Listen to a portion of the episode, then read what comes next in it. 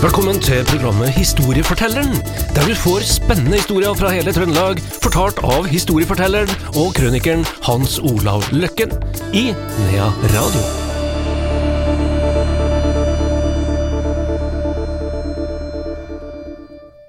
Historiefortelleren er tilbake her i Nea Radio. Det er også Hans Olav Løkken. Velkommen skal du være, Hans Olav. Jo, takk. Vi skal, hva skal vi si, eh, litt betent begrep. Ja, Lausunge. Lausunge, ja. Det, det er ikke så mange som vet hva det er for noe, i og for seg, lenger, da. Og eh, da skal jeg eh, ta med ei lita historie, da, eller eh, en opplevelse som en Bjørn Fornes har, har, sendt meg. Han er fra Gartland, da. Det er jo der du kjører over nord av Grogn også, når du skal til Brønnøysund, blant annet. Så han har prata om bestemor si i en liten sånn, et brev åt meg, og, og, liksom minne oss alle sammen på hvordan det var for eksempel sist på 1800-tallet, da, hvor eh, bestemora som lita, eller som tenåringsjente måtte ut og, og tjene til livets brød, da, og da var det jo å komme seg til storgårdene og vært taus, da. Hun hadde jo ansvaret for eh, fjøsstellet, og stor buskap var det på en sånn stor gård. Og eh, det som hun prata veldig mye om, det var dette her med å bære vann, og, få tak i vann hele tiden. For det var jo vanligvis ikke innlagt vann på den tida, det, det, men det kan være brønner eller noe, noe sånt, og hun, hun hadde ansvaret for all vannbæring. Og alle vet at det å hente vann i to bøtter Du får det med deg, men, men du kan søle litt. Jeg husker jo, vi ser jo bare når vi er på hytta sånn, du bar litt, og, og jeg bar dem bare i hendene, eller de bar dem med, med sånn opp på skuldrene, men, men du søla og kom fort ned på, ned på eh, beina. Og dette gjorde jeg på vinterstid òg, vet du. Dårlige sko hadde hun, strømper, og hun frøs noe så kolossalt. Hun måtte stå inntil kyrne og varme seg, vet du, når hun bare eh, har båret inn vann og sånn. Og hun hadde ansvar inne òg, vet du. Var med på matstell, og det var arbeid hele tiden, og hun hadde ansvaret for det vi kaller drengstua, altså der tjenerskapet var. Så hun, hun jobba vel både tidlig og sent, den her eh, tenåringsjenta, da. Og eh, det måtte gå som det gikk. Plutselig en dag så var hun med barn. Det var ganske så vanlig her. Det var noen som tok seg til rette. Og eh, hun gir da liv til han Peter Daniel, men eh, hun kunne jo ikke ta seg av ungen, så ungen ble da satt bort til ei tante, og på en måte får oppvekst hos tanta. Altså det å skille seg fra sin egen unge. Og bare det i seg sjøl er jo litt sånn brutalt. Og han herre Peter Daniel, han var da det vi kaller en løsunge. Altså, han hadde ikke noen foreldre her, eller han hadde ikke en far. Og han gikk jo da selvfølgelig i omgangsskole og, og, og, og sånn, og det er klart at det er visse episoder fra, fra skolen og fra barneskolen som alle mennesker sitter på. Alle vi snakker med, har et eller annet du husker fra folkeskolen. Positivt eller negativt.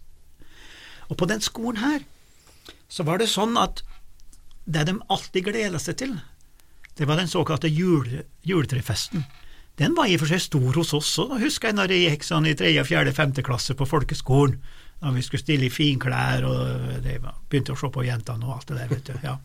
Eh, så, så, men her var det en sånn tradisjon at alle skulle få ei gave. Og den gava, som på mange måter ikke kan kalles ei gave i dag, da, men det var et sånn, eh, et sånn eh, kort, da, glanset julekort. Det var liksom et slags eh, Når du kom til den og den klassen, så fikk alle sammen det. Og det festa seg i hjernen på de fleste, og de huska det resten av livet.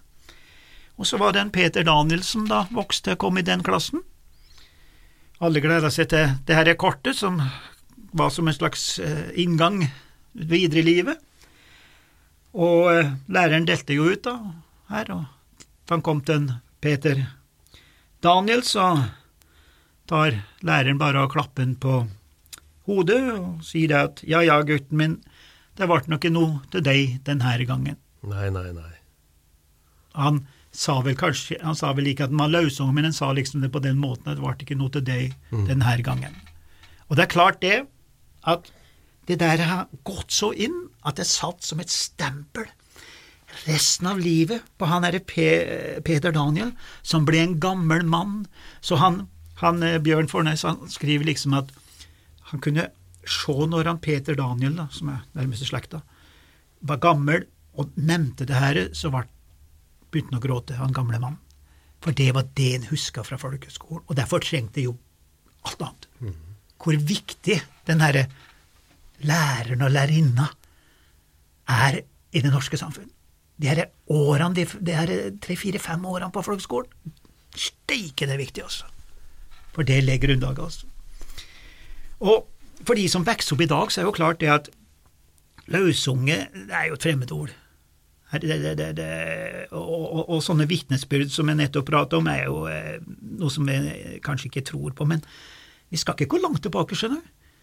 Eh, til og med i min eh, oppvekst så eh, husker jeg jo det at, at det var noen som var løsunge, og, og, jeg husker når, når man på 60-70-tallet drev og diskuterte alenemorprinsippet. Dette her med alenemor. Det var liksom en slags skambelagt. I dag er jo nesten alle alenemor, det sier jeg ikke det, da, men, men, det er ganske mye. Så, så, vi skal ikke gå langt tilbake. Og vi må også huske på en ting til som er veldig viktig. Det er at levevilkår og moral, ja, det er jo ingen statisk tilstand. Den skifter jo hele tiden, den. Så mye av det som på et århundre er skam og elendighet, kunne være noe annet hvis du går til et annet århundre. Sånn, sånn, sånn, går det opp og ned, og det har med gode tider og dårlige tider å gjøre. Og jeg må ta med litt helt til, til slutt her om det her med, som også er så utrolig å tro på, giftermål. Hvem gifter du deg med? Ja, det var ikke en privatsang bestandig. Det er det i dag. I dag får du gifte deg med den du vil, mer eller mindre. Men vi skal ikke gå så langt tilbake på 1800-tallet, da det var slekta som avgjorde hvem du skulle gifte deg med altså allianser. Eh, du eh, det, To slekter kunne bli enige. Så når jeg driver og aper litt med folk og litt sånn mobbing og litt sånn, sånn så, så sier det at eh, som jeg kjenner til den slekta, ja, de fikk jo giftermål utdelt i, i dåpsgave. Liksom, det, det, det, det, er så innbygd i slekter hvilke slektsledd som gifta seg med andre slektsledd på andre gårder og sånn. Og, det er ikke langt, det er, det er, ikke mange generasjoner siden vi gjorde det her. Og da var det en sak på 1800-tallet. Hvis to slekter ble enige, så kunne en til noe som kalte en festarøl. En slags Det var som en slags avtale. Eh, og da kunne en flytte sammen. Men kirka likte ikke, for kirka mente jo at du skal ikke flytte sammen før du er gift. Men på den tida her, under visse perioder på 1800-tallet, så var det blant befolkningen sagt som så, slektene er enige, vi har den her tradisjonen med festarøl og alt mulig sånn, nå er du tvunget til forlovelse. Og forlovelse kunne du ikke bryte. Det var altså lovverk som sa det at bryter du forlovelsen, så kunne du gå til rettsvesenet.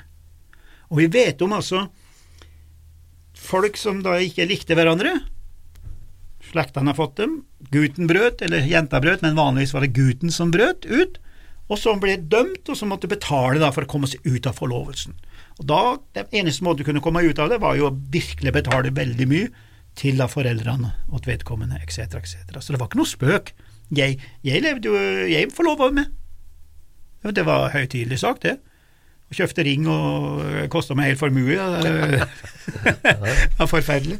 Jo da, og så så er det litt interessant å se når de skulle velge make og sånn, og hvordan foreldrene gjorde det der. Og det er et uttrykk som heter seg at det er, eh, det er eh, følelsene det er en eh, upålitelig rettesnor, står det i mange steder. Følelser må du, ikke, må du ikke tro på. Følelser holder ikke. Så når mor og far hadde klart det, og forrige generasjon hadde klart det, og den som er eldre enn det, sa det at det her kommer til å gå bra, så skulle du følge rådene fra generasjonen før, og ikke fra hva hjertet og hjernen din sa, for kjærligheten, den kunne komme senere. sånn var det. Ja. Det var historia i dag. Historiefortelleren vår heter Hans Olav Løkken, og han hører du igjen om ei uke til samme tid. Du hører han også på podkast her i Nea Radio. Det handla litt om eh, kjærlighet til slutt, da. Vi får se hvordan det går videre.